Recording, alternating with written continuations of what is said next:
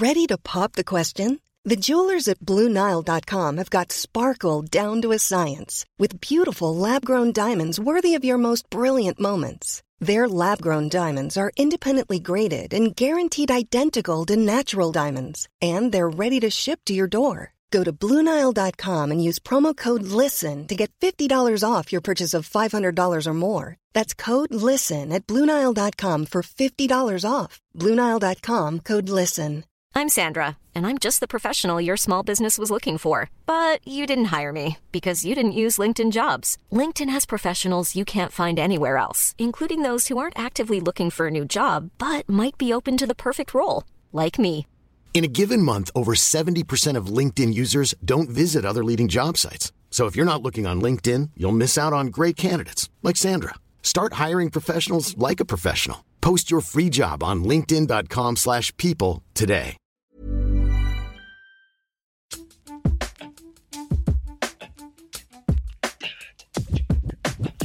Hej och välkommen till avsnitt 94 av Britta och Parisas podcast.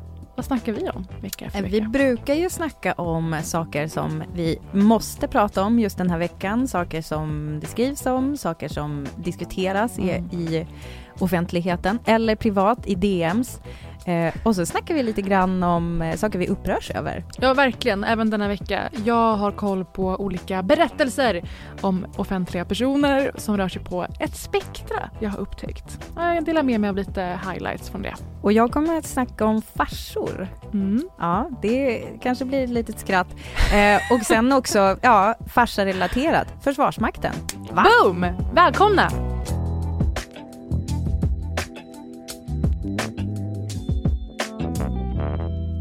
Britta, är du utvilad? Nej. Nej, det. Men eh, din helg började med en fantasi Mm. av något slag. Att Mhm. du tog in på hotell med bara dina syskon och dina föräldrar. Ja. Mina föräldrar var regissörer för det hela. Ja. Eh, Men det var, det var faktiskt härligt. Jag tror att mamma hade faktiskt tänkt att jag skulle få sova utan barn. Mm. Hon, hon förstod behovet i dig. Ja, faktiskt. Och Hon, vi, hon anade eller du lät veta. mm. Ja. Men vi har ju inte sett som familj sedan i februari. Alltså det är ändå ganska nyligen. Men då menar du familj inklusive respektive var med kanske i februari? Eh, ja, det också. Men jag Mm. menar på grund av corona så var, Ja. har vi ju liksom hållit oss ifrån varandra. Alltså vi har ju sett såklart, men inte, alltså det blir ju mer jätte, alltså det har ju blivit jättesällan. Jag har träffat mina föräldrar en gång, mina Mm. syskon varsin gång, alltså typ Så så. jag har träffat dina föräldrar lika mycket som du Mm. innan den här helgen. det. Ja. Eh, Men jag bara reagerade på att det går att konstruera en sån dag utan hard feelings. Eller förmodat utan hard feelings. Var det dina föräldrar som sa det är ingen respektive på den här grejen? Vårt ja, ja, typ. Hur förmedlar man det? Jag vill lära mig. Det här är, jag tror att det är inspirerande för många som lyssnar för det är svårt ibland att skala av yttre lager.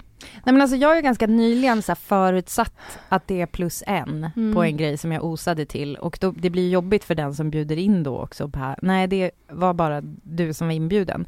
Samtidigt så, så kan man ju känna så ibland att så här, jag vill kanske, även om man gillar en respektive, så kan det ju vara, det blir ju en annan dynamik när man Mm. ses. Jag tyckte att det var ganska mysigt, alltså jag sov ju liksom i ett rum tillsammans med mina syskon, när hände det senast? Mm. Tvingade dem att kolla på Hamilton. Nej, men jag har blivit eh, alltså, överromantiserande kanske av den tiden när eh, familjen var ens, bara ens familj på Mm. något sätt. Ja. Ehm, och man åkte på semester med sin familj. Ja. Det kommer inte hända igen. Du, ni gör ju sånt, men Vi då är det också sånt. dina Vi barn med och då är det Ja. Men det är jättefint att ni gör det. Jag tycker jättefint att, att ni gör det. Eh, Men just det här dynamiken skiftar som du säger när det är fler med. Ja. Och alla har inte supersköna relationer. Nej, alltså, nej, just det. Alltså Och- att man ja. kan också dras in i de andras relationsdynamik till exempel. Ja, eller att det bara färgar en kväll eller en middag eller vad man har och man är så här, ni är- inte så kul att hänga med för det Mm. blir, ni är lite bitiga mot varandra, det är lite kort ton mot Mm. varandra. Vi har snackat om det förr, par som har glömt att ens hålla upp fasaden av att vara schyssta mot Vi, varandra. vissa par gör ju till en grej Mm. att de kallar varandra för idiot och sånt där och tycker att det är lite så här charmigt. det är inte charmigt. Nej men jag tycker, jag tycker att det är jätteobehagligt. Det är alltså jag som absorberar så mycket av andras ja, men grej. snälla, du vet ju hur jag är. Jag kan säga så här på den middagen så Mm. det kan absolut ha varit så att, att jag lite grann drogs in i ett annat bords dynamik. Nej men du vet jag tycker att det är stressigt om jag märker att någon är på en första dejt. Mm. Det är det obehagligaste jag vet. Alltså jag, jag, jag kan inte, gud vilken tur att jag typ inte behöver dejta. Mm. För att jag tycker just så här första dejter är så jävla jobbigt. Jag fattar inte att det kan vara ett succéprogram Mm. för att jag blir så stressad. När folk men- bara jaha, vad jobbar du med? Alltså, ta mig härifrån! Ja, Men vi, Skriker vi båda fiber är ju väldigt känsliga för obekväm stämning. Har Ja. du sett det här serien eh, The Good Place?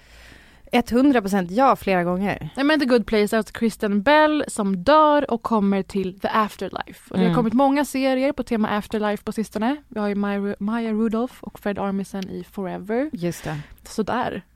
Sådär. På Amazon. Mm. Men jag Ehm. hatar ju Fred Armisen. Oh, Älskar Maya Rudolph. osams vi kan bli nu. Mm. Ehm, den var lite sådär. Och eh, sen har det var han vi som drog ner den. den här med Daniel Radcliffe. När han eh, jobbar Harry i Potter? himlen på något sätt. Ja. Aha. Alltså Kristen Bell har kommit till The Afterlife och kommit till himlen.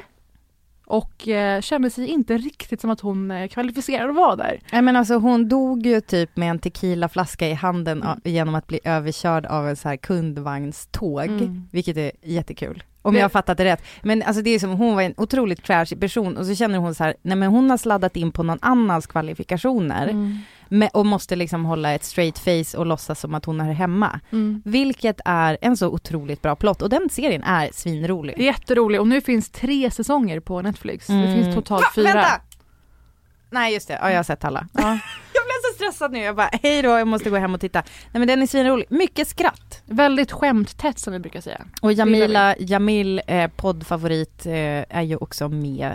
Eh, Ted Danson, många olika. Men varför jag tar upp den är för att det även finns ju ett helvete.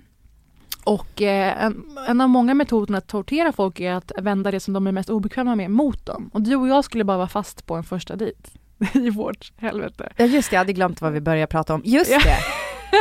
Fy fan, alltså eh, Vi är så känsliga för- 100%. Ja. Alltså var på en, eh, men fast där är det ju också intressant för att du har ju inte problem när du känner liksom Mm. att det gör våld på din egen person, Mm. då är du väldigt bra på att säga ifrån. Ja.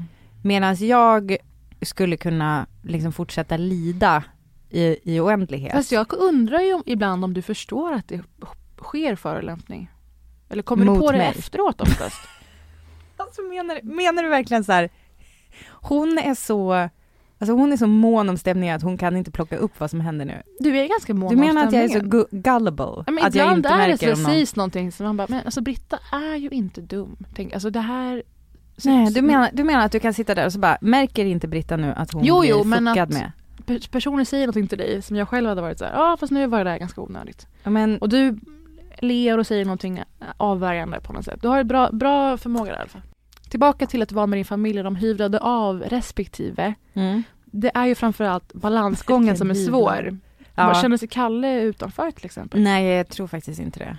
Men jag tror också, det, det där är ju som du säger, Mm. det är lite svårt att veta. Jag vet inte om det blev några andra hard feelings i, liksom hos mina syskon och sådär. Men grejen är att jag tror att vi, jag och Kalle är ju så pass, hur ska jag säga det här? Alltså vi är ju så pass, jag och Kalle är ju så pass etablerade som par Mm. Att vi på något sätt, han kan ju fatta att, han kan ju unna mig att lite grann kliva ur eh, lergyttjan ute på gården och liksom Mm. bara få checka in på Ja Grand men Hotel. lite också för att Lergyttjan är ju hans Grand Hotel. men ditt Grand Hotel är actual Grand Hotel. Alltså, han, måste, han ser ju det i det, han Ja. förstår ju det i det. Du har ibland ett behov av att ha en härlig morgonrock, en lyxig frukost och han har inte den dri- drivkraften riktigt på samma Nej sätt. precis, alltså han ser ju en isvak i gränsen mellan Mm. Ångermanland och Jämtland typ. Det är hans spa. Om de gränsar mot varandra. Mm. Du kanske hängde med på den här Ska jag, finns det något underviralt? Finns det ett steg underviralt som är så här, alltså typ subpar viralt? Men varför är det inte viralt först och främst? Ja, men det är inte så många views, men det, Mm. det var ett YouTube-klipp Är som, det acquired taste viralt? Mer? nej men mer så här typ skickas runt mellan kompisar, Mhm. inte så mycket eh, ligger uppe på en sajt Okej. och lockar klick. Är, är du det med? intern viralt? Kanske nästan, fast det här är inga jag känner. Men det var ett klipp med några pappor som cirkulerade för ett par, tre veckor sedan. Jag undrade när den här skulle komma. Har du sett det här? Hej! Hej! Hej! Det är så att eh, vi vill bjuda in till något eh, vi tror kan bli väldigt, väldigt fint och speciellt. Vill, vill någon av er berätta lite? Vad har vi för intention? Vad vill vi göra för någonting? Vi vill eh, skapa en jättevacker helg för pappor. Men det kommer vara kärleksfullt. Det, kan jag, ju- det kommer jag göra allt för att det ska bli för mig och Så dig. vi vill, eh, vi kommer ha eld, vi kommer dansa, vi kommer dricka kakao, vi kommer ha delningscirklar. Det Supporta kommer vara, varandra. kommer vara magiskt att få vara tillsammans och Vi, together. vi gör det tillsammans. Ja. Vi vill vara med dig. Och sen så är det ehm, eh, att det hände i helgen.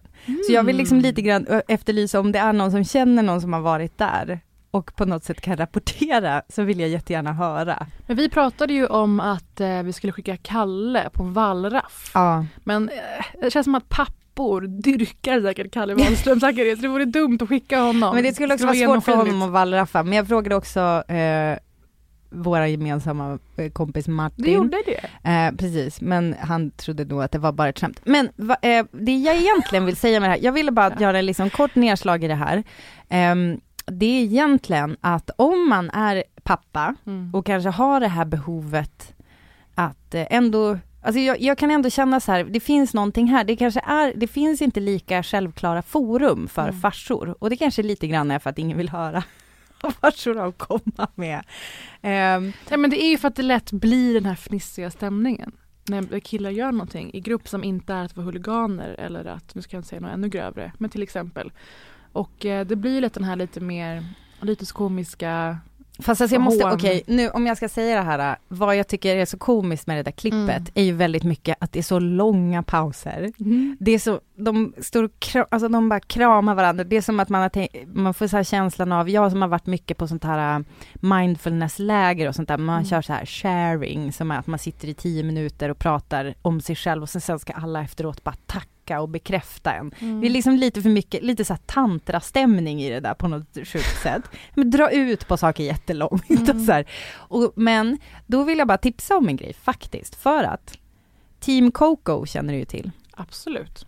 Team Coco är ju Conans typ, produktionsbolag. Conan O'Brien. Conan och Brian. Jag tänker att vi är. Conan med Conan och Brian. Du och jag ja. Ja, ja. Alla andra bara, Conan Barberaren. ja. Han har startat en pappapodd. Barberaren? Jag har barberare? Team Coco har lanserat en pappapodd. Har du koll på det här? Parisa? Nej, är det Jo, sant? och det är så jävla mysigt. Och varför är Och det här är alltså det bättre exemplet? det är det du? bättre exemplet, det är det jag menar. Så att känner man så här, ja, det där var ju tydligen om man bara är intresserad av pappagrejer så blir man gjord till Mm. åtlöje nu. Mm, Eh, först på internet och sen i den här podden. det. Eh, för att det är lite fnissigt. Men då kan man vända sig till det här. Eh, Team Coco har gjort en pappapodd med eh, programledaren Rory Scovel. Om jag uttalar det rätt bryr jag mig inte så mycket om. Men det är i alla fall en, eh, ja, en pappa-podcast. Såklart första avsnittet gästas av Conan O'Brien himself. Som pratar lite grann om sin egen pappa. Och som också pratar själv om hur det är att vara pappa. Han gör ju det ganska ofta. Alltså han pratar ju väldigt mycket om att hans barn typ ser ner på honom och sådär. Vilket är väldigt Ja, men kul. dels det, vilket jag tycker är sunt, men också att han har lite av en amish, eh, ett amish förhållningssätt till sina barn och deras plats i världen. De får inte kolla på TV på vardagarna, väl? De har inte sociala medier och sådär. Han är Vänta, ganska det här- sträng. Oj, oj, oj. Jag har inte lyssnat på det avsnittet Nej men det nämligen. här har kommit i eh, hans vanliga podd Conan Needs a Friend Mm, i måste- olika snack med olika gäster. Alltifrån Jeff Goldblum Men är det till... inte att han skämtar? Eh, nej, han är ganska sträng. Ja, Jag tror jag har avfärdat det som skämt, att han ska Mm. säga, ja okej, Ja. han är en sträng farsa. Men det, det är ju, vissa sådana där Hollywood-personer har ju eh, som en slags motvikt till den, det jättekonstiga fantasilivet de lever så har de en ganska sträng föräldrastil. Eh, jag vet att eh, det här skiter väl du kanske i men ehm, Va? Mila Kunis och eh, Ashton Kutcher kör också så här extremt sträng, alltså de, deras barn får typ inget och de är så Ja. jättestränga. Varför skulle jag eh, skita i det här? Nej men jag, jag tänker att det var så här, det var ett sånt sidospår. så Nej, det var, absolut inte. ja. Jag tycker det här är jätteintressant. Jag är ju väldigt sträng. Mm. Eh, mina brorsbarn, de är fem stycken nu. Yay. Grattis. Tack mina bröder för att ni eh, fortplantar er. Ja men de har bara- ju dragit i en jävla växel på sista Ja, året Så att jag säga. bara kan chilla, låta mina ägg vila. Två nya Amiris detta år. Sa jag vila? Jag menar låta mina ägg gå till spillo månad efter månad. Eh, och de här då, jag har ju två nyfödda eh, Amiris, eh, jätteroligt. Juno och Amelia, shoutout om du lyssnar. ja. eh, nej men, och eh, Dante som kanske får mest uppmärksamhet i den här podden, den här ett och ett halvåringen som är ett geni, han är en stjärna. Jag tycker han förtjänar Han är karismatisk Mm. och ett ett geni. Det är en helt objektiv åsikt och otroligt söt. Och han eh, blev erbjuden en iPad på ett kalas i helgen. Va? Du tänka dig? Att han skulle få en iPad? Nej, som en liten eh, En liten giveaway? diversion under Jaha du middagen. menar så? Ja, Okej. Han var inte med på ett event med mig. att de var på ett kalas där alla barn fick varsin iPad. Men du vet det här med iPaden. Mm. Eh, du kan tänka dig mina ögon då, blir så här, alltså blir enorma. Och jag i min amish-anda rycker till mig iPaden och säger han ska inte bli en sån unge. Ah. Det här, det här, så här, Så det här, lite dömande Nej, och konstant, konstant dömande. Mm. Eh, det är väl hela fundamentet i ens person. I den här Team Coco-podden i alla fall, som heter Dads the Podcast, Mm. Det kommer ni ihåg, eh, så är det ju just eh, så himla toppklassgäster som, vad sägs om David Cross? Men det bästa du vet är att säga namn så att jag reagerar fysiskt. Ja. Ja. vad händer nu med dig Jag fysiskt? känner mig, jag känner att det var en setup. Jag blev jätteglad av att höra det. Ja. Han har spelat en av mina favoritkaraktärer i tv som heter Tobias Funke. Jag tror att vi båda älskar honom. Eh, En, en, eh, en never nude i Arrested Development som inte går att värja sig för skulle jag vilja säga, rent komiskt. I have needs, you know. And how am I not addressing your needs? How can you even ask that? What is oh, this? Oh, go right to that. Good, go right there. Real mature. Really. I have. He's a never nude. Is that exactly what it sounds like? Tobias suffered a rare psychological affliction of never being able to be completely naked. Excuse me. Do these effectively hide my thunder? I'm afraid I just blew myself. I figured if I blew myself early, I'd be nice and relaxed for a nine o'clock dinner reservation. oh, I got blown! Allt han ville är att komma med i Blue Man Group, eh, så han går runt iförd blå färg hela tiden.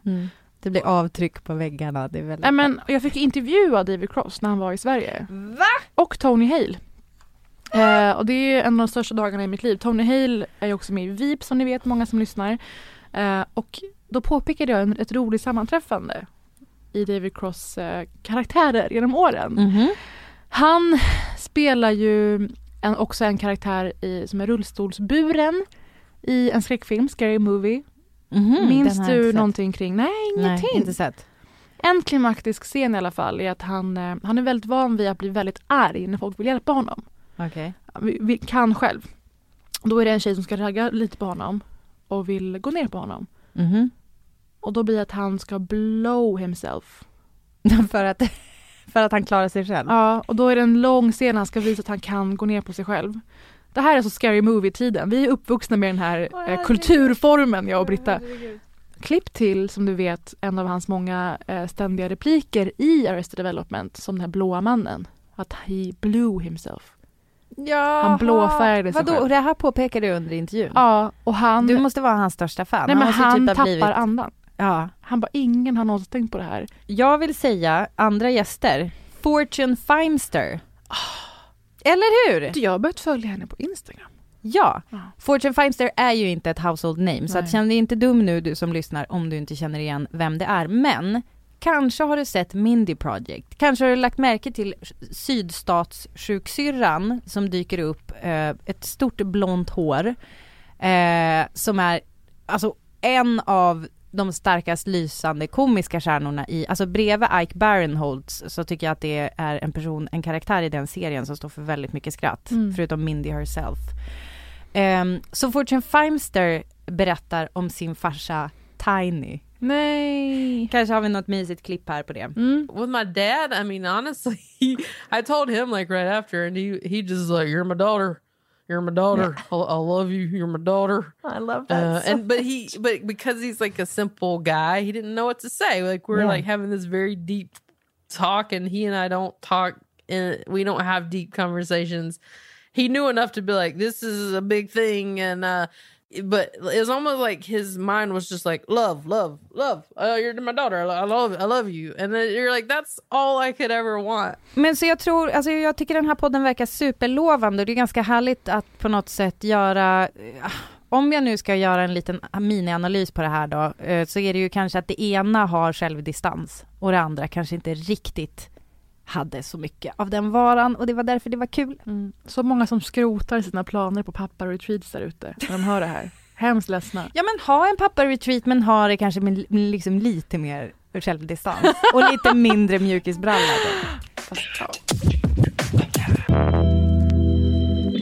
Britta! Parisa. Mm. Det har kommit olika böcker på sistone som på olika sätt berör kvinnor i offentligheten. Och de rör sig i två helt olika spektran av en grej jag ska beskriva för dig. Uh, det är först ut är en bok om Melania. Oho. The First Lady. Ja.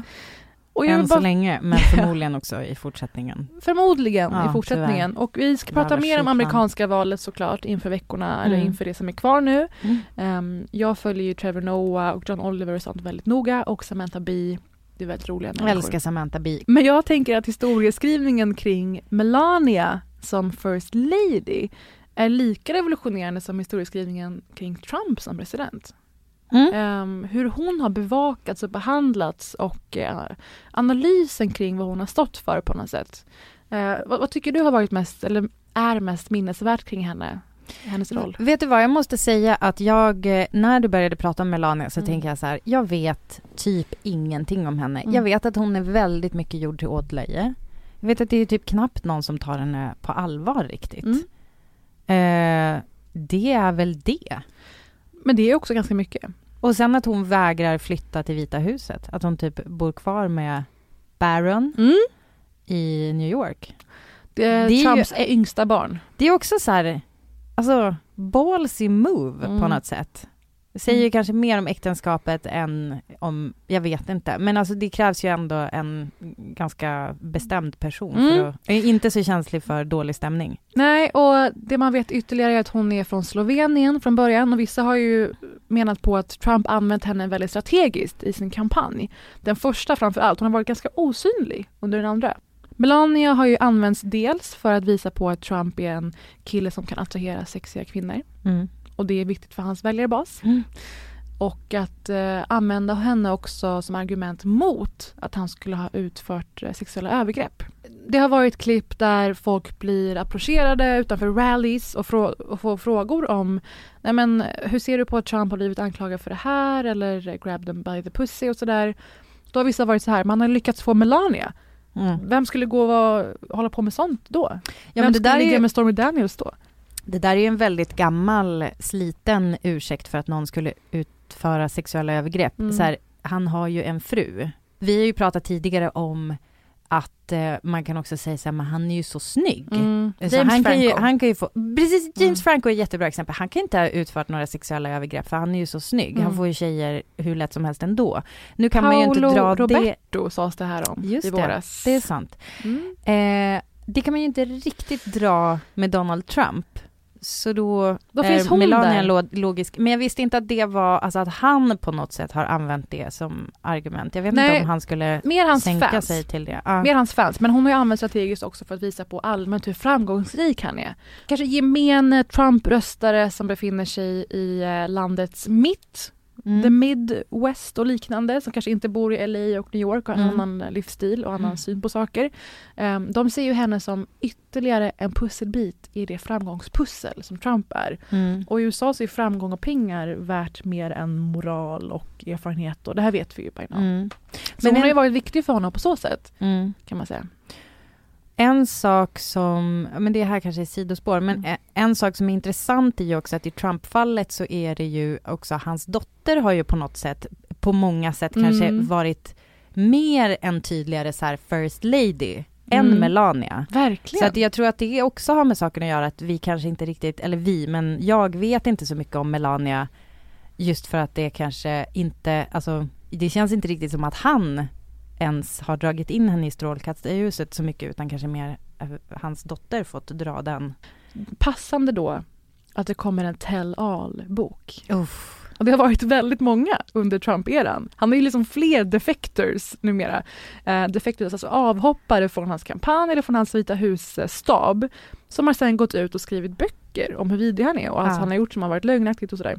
Även hans gamla pressekreterare ju, som stod och ljög amerikanerna i ansiktet. Han blev inte åtalad och fälld för någonting efter det utan han fick ett bokkontrakt. Mm. Asmycket pengar.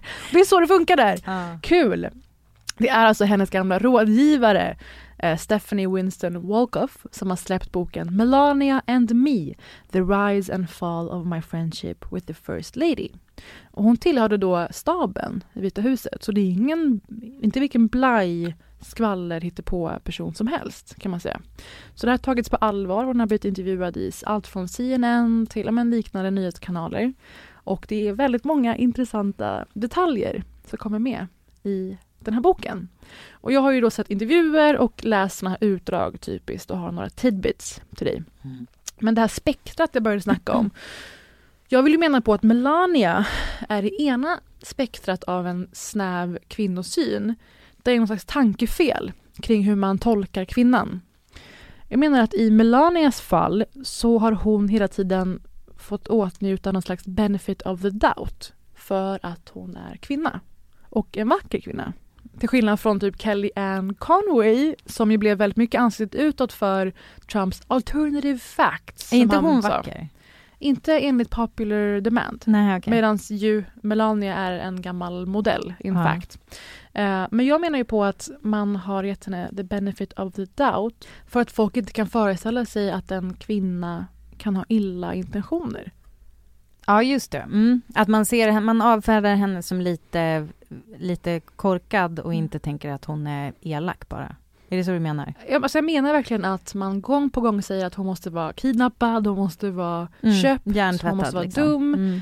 eh, hon måste vilja fly, för man har sett klipp när hon slår bort Trumps hand och sådär. Mm. Ehm, men det tycker jag också Free är... Melania var ju en hashtag. Just det! Mm, eller är. Ja, och det här tycker jag blir en pusselbit som säger att så här, man kan inte föreställa sig att en kvinna som hon kan ha åsikter som är i linje med hennes man, med Mm. Trumps. Och det visar också den här då, eh, boken på.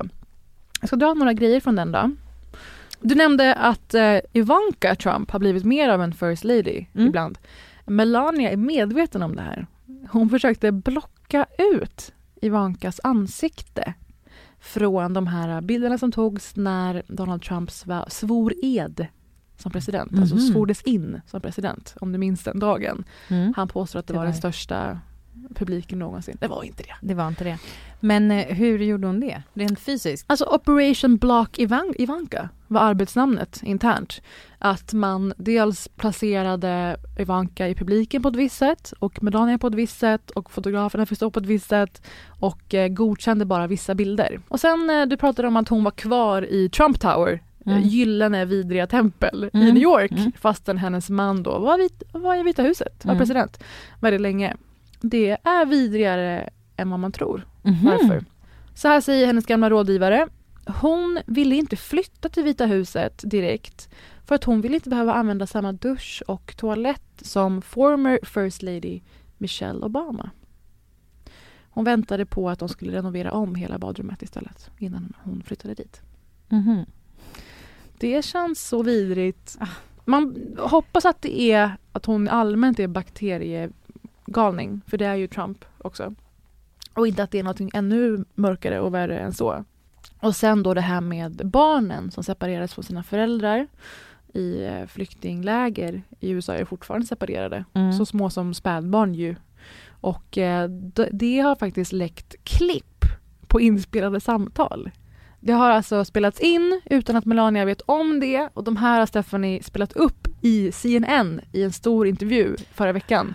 Och det är bra drama i de här. Alltså det, är, det är värre satir än Saturday Night Live hade kunnat eh, fabricera. Herregud. vad hon säger i de här klippen. Och först ut är vad hon säger om barnen i lägren. Oh, what about the children that they were separated? Give me a break. Don't, where, where they were saying anything when Obama did that. I know. Do, do, I cannot go. I I was trying to get the, the kid reunited with the mom. I, w- had, I didn't have a chance. Needs to go through the process and through the law. You know, they, they even said the kids, they say, wow, I will have my own bed. I will sleep on the bed. I will have a cabinet for my clothes. It's so sad to hear it, but they have, they didn't have that in, in their own countries. Right. They sleep on the floor. They are, you know, they There's are nothing. fed.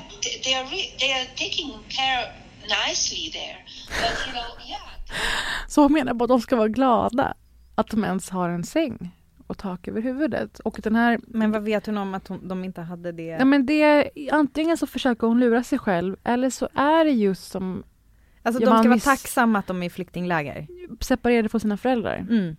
Eh, För och- att de får i alla fall en säng att sova i. Jag Ja. tror att de gladeligen skulle ha ingen säng om de fick vara tillsammans Men som med att det ens är alternativet. Ja men det är så jävla Ehm, vidrigt. Ja, Människor- men då, då är det det här med, hon själv är övertygad om kanske att hon gör rätt sak. Alltså Melania antingen lurar sig själv för att kunna Mm. uthärda Mm. i den här rollen, behöva backa vad sin man gör. Mm. Eller så är det så här hon ser på det. Så här krasst och omänskligt.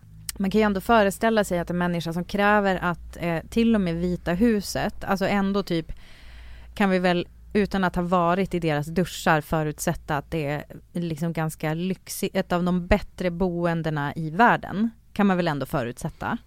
Eh, att hon ändå måste renovera duschen innan hon tycker Mm. att hon kan liksom vistas med sin nakna kropp där. Då kan man ju också tänka att det är en människa som kanske inte har jättenära till att relatera till barn som separeras från sina familjer. Alltså någon, någonstans får man ju ändå förutsätta, men nu märker jag ju att när jag säger det Mm. så gör ju jag också. Jag förklarar hennes beteende Mm, istället liksom för att bara, jag också har hon är en vidrig person. Ja.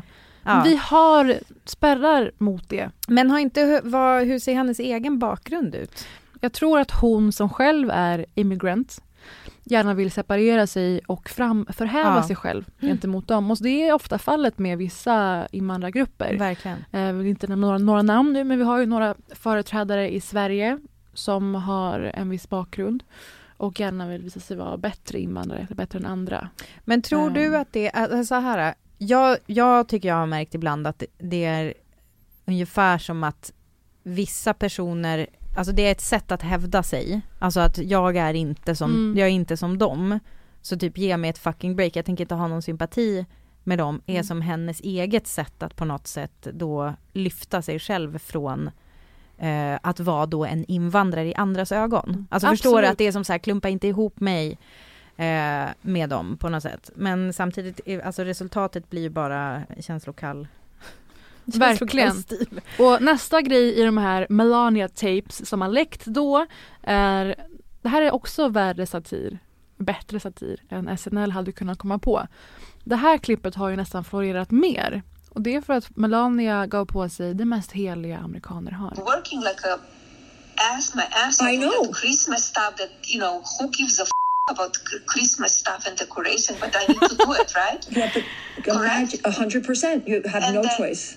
And okay, and then I do it, and I say that I'm working on Christmas uh, planning for the Christmas, and they said, "Oh, what about the children? That they were separate." Who gives a fuck about Christmas stuff? Det är hur vi, kommer, hur vi kommer minnas Melania eventuellt beroende på hur det går i november.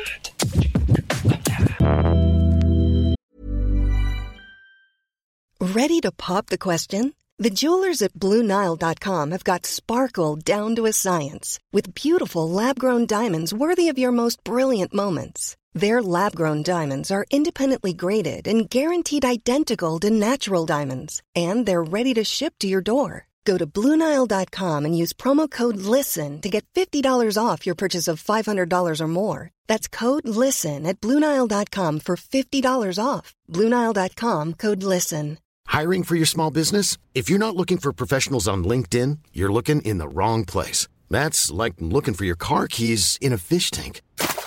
LinkedIn helps you hire professionals you can't find anywhere else, even those who aren't actively searching for a new job but might be open to the perfect role. In a given month, over 70% of LinkedIn users don't even visit other leading job sites. So start looking in the right place. With LinkedIn, you can hire professionals like a professional. Post your free job on linkedin.com/people slash people today. Och nu till nästa ände av spektrat. Kvinnor som blir återberättade, eller i detta fall berättar själv. Det här är någon som, jag skulle säga en underskattad samhällsröst, men som har gjort sig hörd på annat sätt i många, många år. För rösten har vi hört, men kanske inte tankarna och åsikterna och erfarenheterna så här rått och ärligt. Liksom Melania inte tillåts dimensionen att hon också kan ha rätt pissiga åsikter, som du och jag kanske skulle ut uttrycka det som, så är det här en kvinna som nästan inte tillåts dimensionen att ha åsikter alls, eller vara en tänkande person. Eller en person kanske med en massa skit i bagaget. Så här kommer en hjälte along.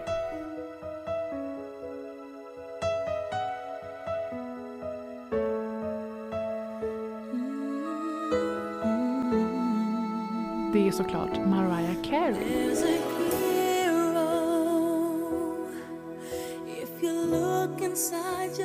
Som i och med sin nya autobiography har varit med i många intervjuer överallt och släppt ganska odödliga citat över hela medielandskapet. Och hur känner du för Mar Mariah Carey först och främst? Okej, okay, jag börjar med att säga att jag är för Mariah Carey. Allmänt det för. beror lite på vad det har kommit Men för du behöver citat inte tänka på det. Men hon blev ju liksom dunderkänd som den här tjejen med den otroliga rösten. Mm. Det var så här, vad, vad kan det här ens komma ifrån? Och hon har ju gjort väldigt um, stor grej av liksom hennes, eh, alltså spektrat som hen, hennes röst kan röra sig på och sådär. Eh, och så hade hon en del ganska stora hits. Eh, först som så lite mer typ kyrklig stämning måste man ändå säga. Mm. Alltså typ Hero och eh, ja men typ Anytime You Need a Friend och så här. Mm. Ni hör, jag har lyssnat mycket på Mariah Carey. Och sen lite mer rb aktigt med liksom Butterfly-eran och det där. Ja men sen så är det ju som att hon har ju kanske inte riktigt åldrats eh, så nu ska vi se här, jag måste vakta mina ord därför att om man skulle jämföra med till exempel en som är lätt att jämföra med Jennifer Lopez, Mhm. som ju inte verkar åldras alls Mm. eh, och som ändå så fortsätter hålla sin karriär på väldigt så här hög nivå. Hon gjorde ju liksom en liten Las Vegas-grej och som har Super sålt Bowl. ut liksom, ja precis, vilket då ledde till Super Bowl sen tror jag, hennes otroligt eh, höga nivå på scen. Filmen liksom. Hustlers som Ja men älskade. ja och exakt. Medan Mariah Carey kanske lite mer har känt som att hon har typ gått loss med och opererat sig och det är som att det har blivit det har, jag har fått en känsla av att det är så här en touch av lite sad på sistone. Okej. Alltså jag tror att det här är sant som du säger tills för kanske ett par, tre år sedan. Mhm. Ehm, verkligen, att Mariah blev nästan som en eh, parodiserad karaktär. Mm. Hur någon beter sig, så Osborne family nivå Ja, men det var, nästan. det var ju också det här nyårsuppträdandet, Mm. alltså vid den här otroligt heliga institutionen när, eh, alltså vid eh, Times Square, Mm. när eh, det, det är ju ett nästan lika prestigefullt uppdrag som Super Bowl. Mm. Okej, inte riktigt, men då hon uppträdde och det läckte så här eh, exakt hur dåligt hon sjöng egentligen. Eh, och det var väl en ganska stor, eh, liksom neråt Men du, det kan faktiskt vara en vändpunkt för Mm. efter det så var hon så frispråkig ja. om den grejen. Just det. Och kallade ut folk, tekniker, allt möjligt. Och eh, sen dess har hon eh, satsat mer på sin personlighet. Mm. För lika lätt som det är att rada upp alla låtar och så, svårare tror jag att det är för gemene man att säga någonting om hennes personlighet.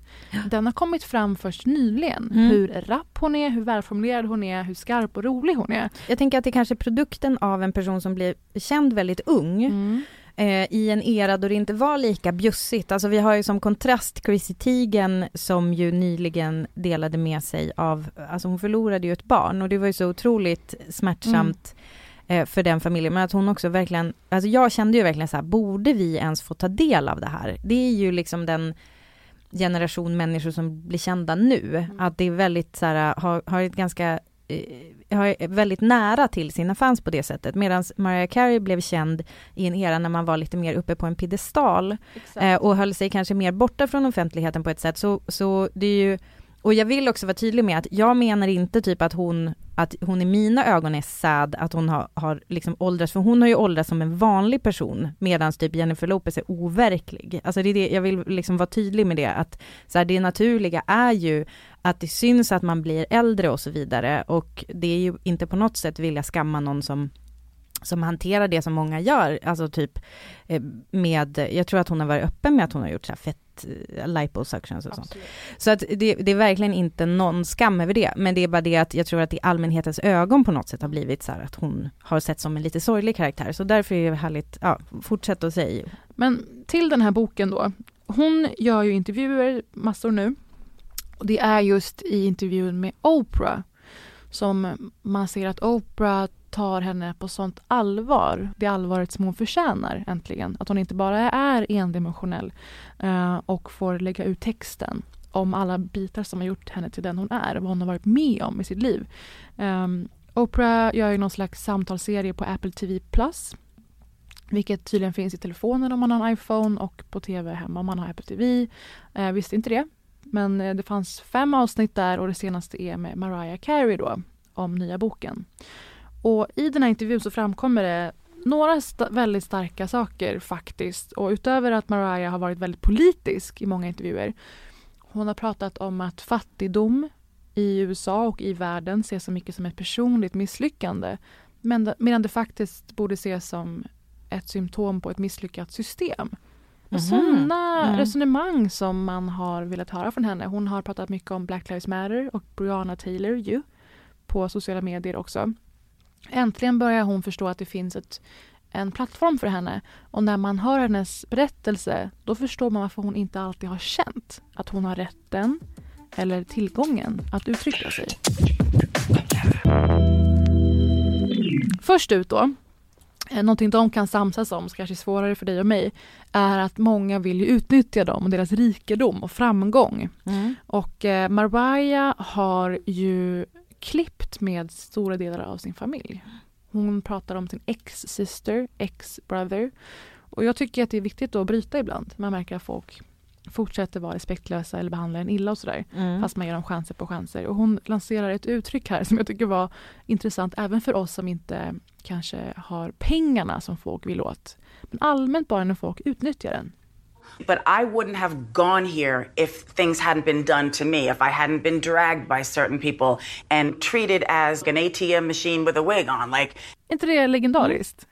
Alltså när man inte känner sig som en ATM with a wig. När folk bara har en envägstransaktion med en. Och det är inte, det är inte two way street att man kan lita på någon, man kan få någonting tillbaka utan det är bara som att folk dränerar en på något Mm. sätt.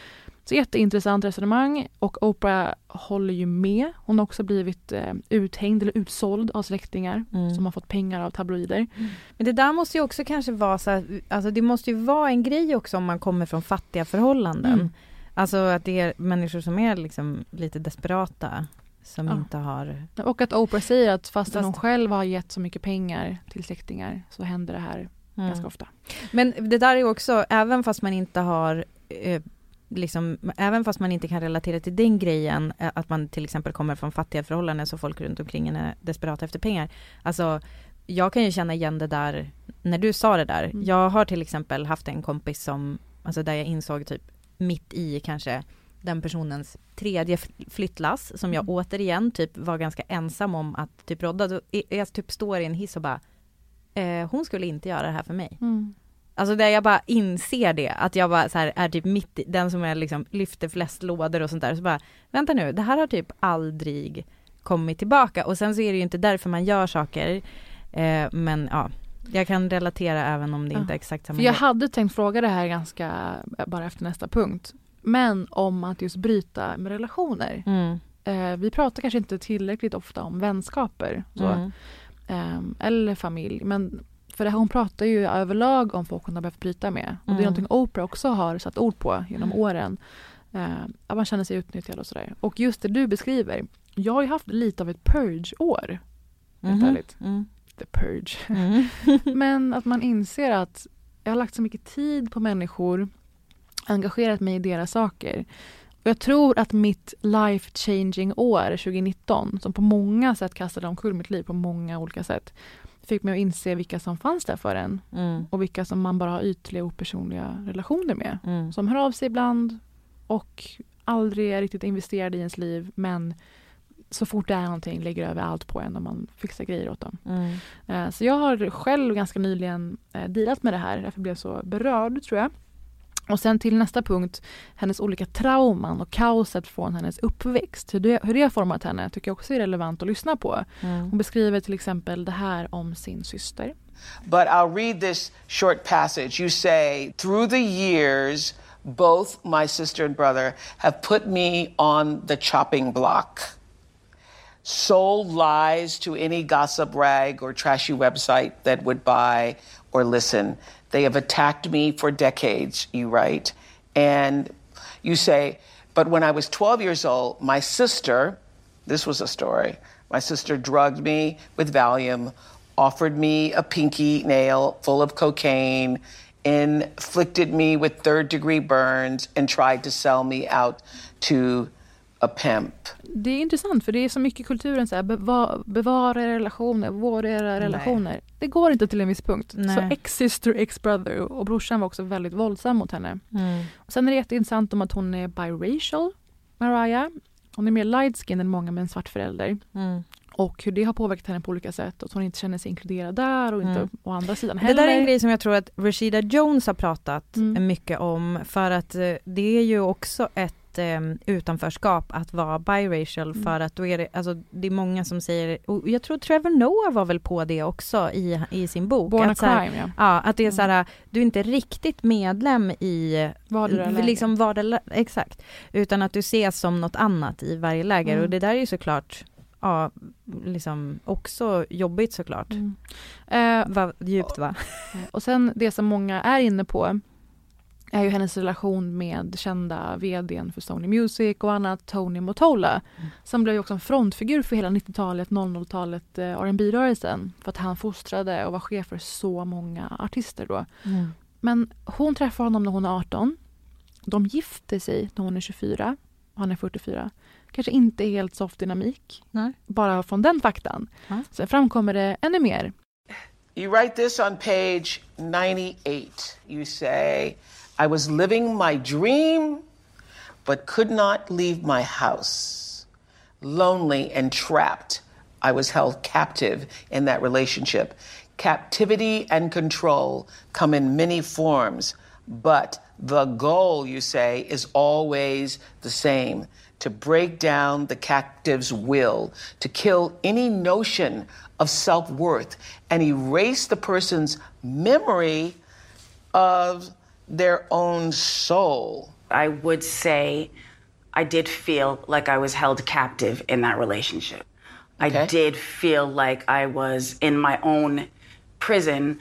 Och det är som att det är först nu när Mariah Carey har varit med om så mycket. Hon har ju skilt sig ännu en gång från Nick Cannon. Wild and out. Ja, och har ett par Nu är. Mariah Carey wild and out. ja, eh, jag tycker att det var otroligt givande att lyssna på henne och eh, tycker om de saker hon har att säga också om de förutsättningar hon hade i livet och hur det har format henne. Och hur vi alla ser på henne. Jag tycker också att det är intressant med, för att Mariah Carey är ju en sån där person som har ansetts som en av de riktigt stora divorna. Alltså, jag, brukar ibland skämta om när jag är så här, eh, på inspelning eller någonting, om det är någon som bara b- typ, alltså att jag, alltså jag som skämtar om att jag tror att jag är större än vad jag är för att jag bara I don't do stairs. Aha. För att det är sånt där citat från Mariah Carey, tror jag. Fast det kan ju också bara vara, alltså liksom hitta på. Jo, jo. Men att hon typ vägrar gå i trappor. Mm. Så att alla bara ser till att det inte finns några trappor eller så här bär Mariah Carey Mm. trapporna. Eh, och det kan ju, alltså jag tänker också att eh, mot hennes bakgrund, det kan ju lika gärna vara så att hon har bara varit tvungen att vara så här sjukt sträng för att hon har den där erfarenheten av att hon har blivit kontrollerad. Det kan ju vara liksom ett väldigt viktigt sätt att förhålla sig till andra så att hon inte hamnar i det där igen. Men såklart som när det gäller kvinnor som ställer krav så straffas de genom att hängas ut då som en diva. Nej, Istället att- för att det är en, så här, en rimlig person. Nej, men och att hon är ju krav. också jättekänd och jätterik. Mm. Och har ett annat mandat att kräva saker kring sin omgivning. Och sen också är hon väldigt rolig. Mycket har säkert varit ironiskt. Liksom. Ja men exakt. Ja. Nej, men så det, var, det är väldigt eh, rörande och intressant att höra på det här. Jag blev överraskad att hitta det här på Apple TV+. Ja. Så mycket som finns där Kul. ute hörni. Ja. Ja. Och det här var då Kvinnor på spektrat. Fast ett annat spektra än det vi brukar snacka om. Och få skit för att vi snackar om. Nu ska vi prata försvaret. Ja! Hur känner du spontant? Det snackar vi ofta om. Men mer privat. Det är mer det vi snackar om när vi vill slappna av lite. Vi vill ha en härlig kväll, då tar vi upp försvaret. När vi är på spa-konferens då pratar vi gärna om Försvarsmakten. Mm. Eh, de gick ut i veckan eh, med att de inte nått målet att 20% av andelen värnpliktiga skulle vara kvinnor i år. Mm. Så det är ju nu eh, man har sett folk har mönstrat på, Mm. I guess. Har du mönstrat? Nej, Nej. fick inte the memo. Nej, exakt, inte jag heller. Det måste ha varit innan de bestämde den här kvoten. Det var ingen press på att jag skulle vara med någonstans. Nej, alltså, och det blir man ju lite förvånad över. Eh, grejen är att jag ville faktiskt göra lumpen, har jag pratat om det här i podden? Ett öppet sår? Eh, alltså jag ville göra lumpen för jag ville gå tolkskolan. Ja. Och eh, för att jag ville lära mig arabiska. Jag, eller jag är generellt väldigt peppad på att lära mig språk. Mm. Ehm, och eh, jag, eh, jag, jag blev liksom peppad. Det var så många som försökte snacka mig ur det där. Att bara, det är svinhårt, man får göra 300 glosor i, veckan. För mig är det typ som att någon säger så här, och det är någon som filar dina fötter samtidigt och masserar Mm. dig i hårbotten. Alltså jag, jag, jag är ju så pass, alltså jag skulle så himla gärna vilja göra det. Eh, men jag blev liksom helt enkelt ursnackad ur det. Ehm, Du gick inte ens på mönstringen? Nej, jag gjorde inte det. Alltså för det var ju valfritt då liksom. Ehm, men eh, ehm, för tolk, tolkskolan är också förhörsledare så att det är lite så här att man får typ lära sig att psyka folk i förhör. Det kanske inte är jättelockande och det var, det föll, för mig följde på att de sa att man hade bara en dag ledigt och det var på jul. Det här är ju din sliding doors. Det här är min sliding doors, Vi har snackat en mycket dem. om Mm. sliding doors. Du har inte nämnt det här att du var på väg att bli Nej. en uh, Carrie i Homeland-människa. Ja, jag hade kunnat bli det. Åh herregud, nu gjorde du det ännu mer attraktivt. Eh, så, men grejen är i alla fall att varken du eller jag känner i alla fall att vi har blivit bearbetade av det här. Vi är ju inte, vi är inte riktigt mönstringsålder tyvärr längre. Men de har i alla fall inte nått sina mål. Eh, flygvapnet och marinen överträffar målet på Mm. vissa förband men armén når inte ända fram. Eh, Jenny Ström som är kommendörkapten och chef för Försvarsmaktens rekryteringssektion, hon eh, säger ju då som vi alla vet, som alla som lyssnar nu och som du och jag, vi, alltså de går ju miste om kompetens såklart. Eh, och eh, varför är det då så att eh, liksom inte så många kvinnor helt enkelt söker sig till Försvarsmakten? Det finns en människa som Ekot intervjuade som har en teori. Sofia Berglund som nyligen avslutat sin värnplikt är nu skolinformatör i Försvarsmakten. Hon tror att förklaringen är att kvinnor har för lite information och bara förknippar försvaret med tre saker. Jag skulle nog säga att det är krig, vapen och skog. Det är ungefär de tre som brukar, eh, man brukar höra. Jag tycker att hon missar en grej i det här Jaså? citatet. Ja, finns det någonting som det också är mycket av i lumpen? Killar. Ja. Och alltså jag, jag tror att Försvarsmakten liksom missar en grej här Mm. i och med att inte förstå att det är en grej för kvinnor att vistas i sammanhang med så många killar. Alltså MIG, det läskigaste vi har på jorden. Och det är förkortning för män i grupp. Jag trodde det var det där alltså, som fusk-TP-spelet. Det spelar jag också. Men det är ju tyvärr fortfarande hotfullt för kvinnor att man räds att vara, ehm, eh, höra till en minoritet i ett sånt umgänge. Sen också ett umgänge eller en grupp som eh, mycket utgår från till exempel eh, fysiska färdigheter, att det är väldigt mycket vad man förmodar testo-vibbar. Jag skulle vara ganska rädd. Det var ju faktiskt ett gäng, hur ska vi säga, där olika yrkeskategorier gick ut i metoo. Alla hade ju varsin hashtag, Mm. så var det ju i alla fall i Sverige. Eh, och inom Försvarsmakten så var det 1730 kvinnliga yrkesofficerare, reservofficerare, frivilliga civilanställda, eh, soldater och sjömän bakom hashtaggen Giv vakt och bit ihop. Mm. Där var det väldigt många övergrepp som eh, som eh, de vittnade om och just, alltså det som är så sjukt är ju också att inom det militära så finns det ju en så tydlig hierarki också. Mm. Alltså det är ju en, alltså det är ju så otroligt tydligt var i rangordning du är och att en officer kan liksom bre ut sig och ta sig otroliga eh, friheter inte då bara gentemot kvinnor utan liksom mot kanske alla värnpliktiga Mm. och då blir det ju såklart om det är Alltså det, det blir såklart tror jag lättare för det systemet att, att skydda en sån person. Eh, och jag läser på Aftonbladet har skrivit om de värsta fallen av trakasserierna i Försvarsmakten då 2017 när det här eh, uppropet var. Alltså det är ju sånt, alltså även då när personer har gått till överordnad och berättat om övergrepp som en annan överordnade, att de har blivit mötta med skratt och sådär, blivit Mm. avfärdade, sagt att det var väl inte så smart av dig och så vidare.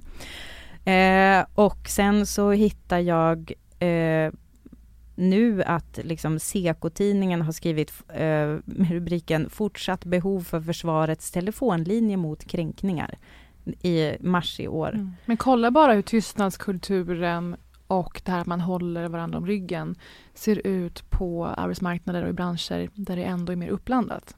Ja. Nu är ju Försvarsmakten eh, väldigt så mansdominerad.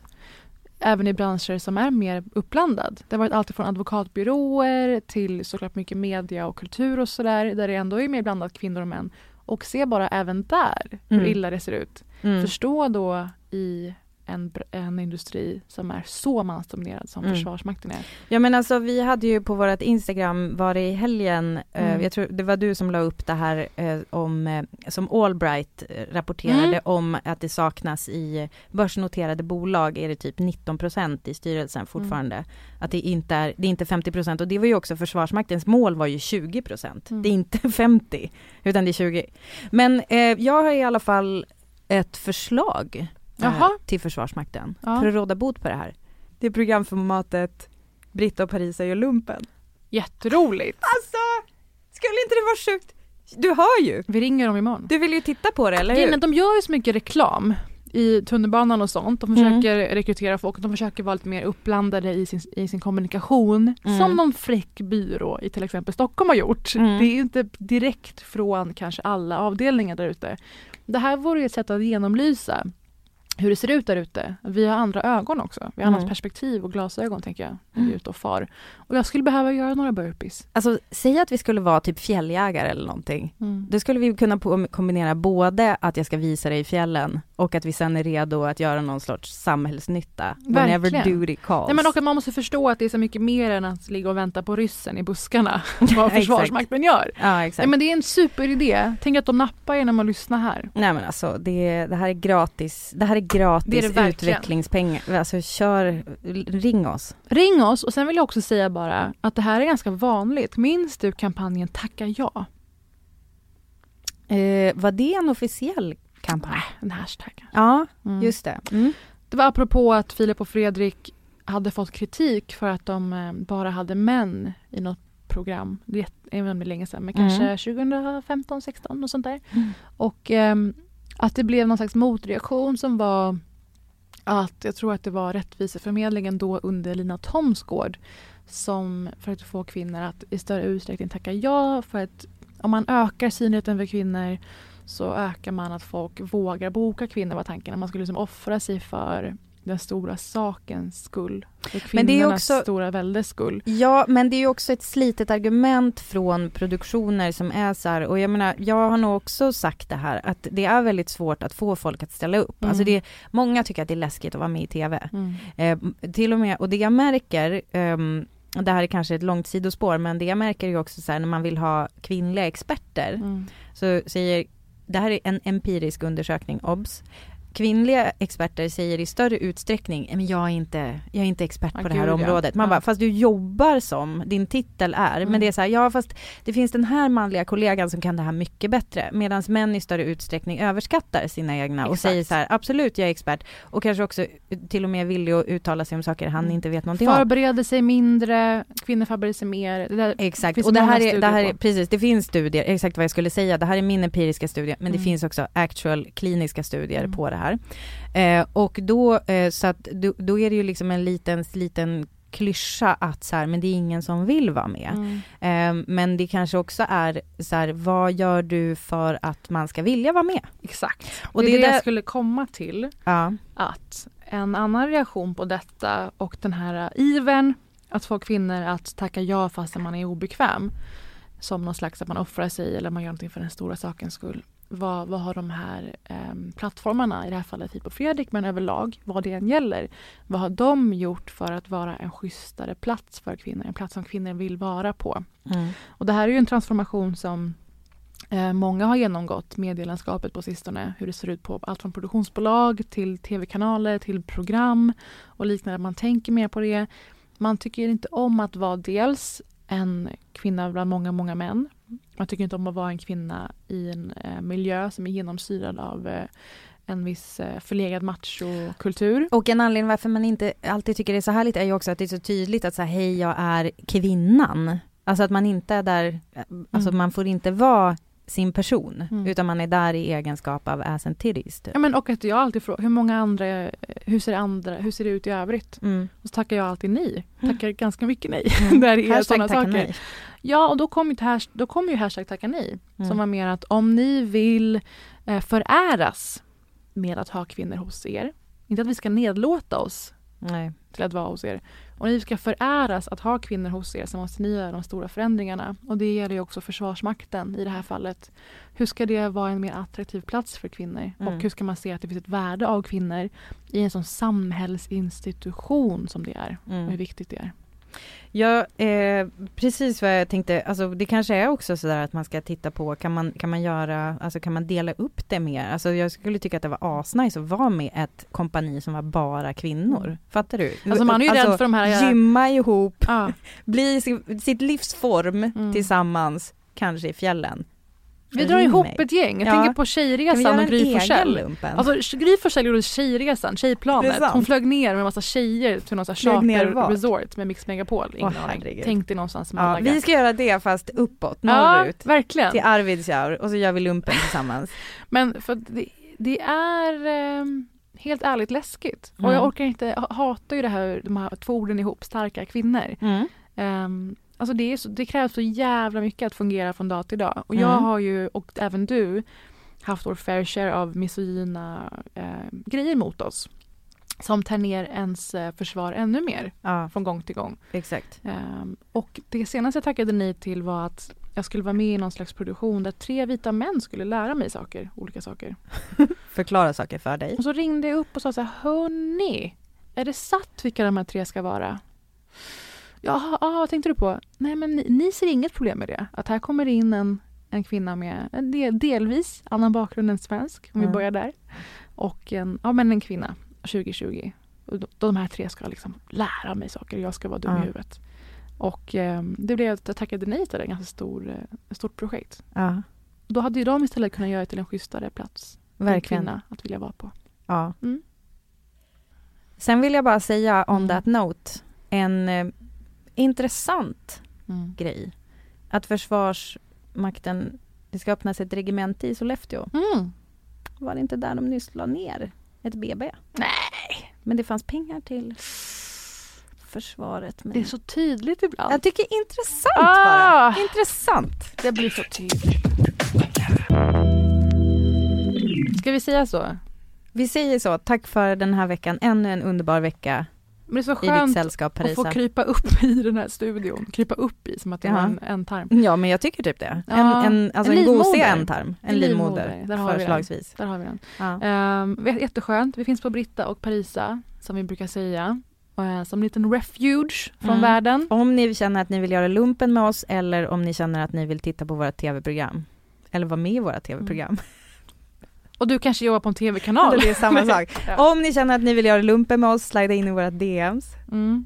Eller ring våra, vår agent, för jag samma.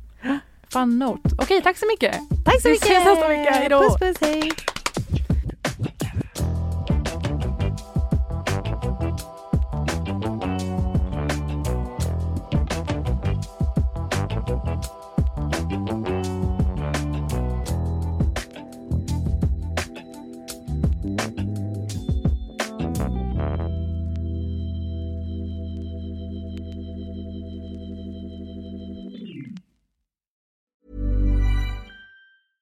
Hey, it's Paige DeSorbo from Giggly Squad. High quality fashion without the price tag. Say hello to Quince. I'm snagging high-end essentials like cozy cashmere sweaters, sleek leather jackets, fine jewelry, and so much more. With Quince being 50 to 80% less than similar brands.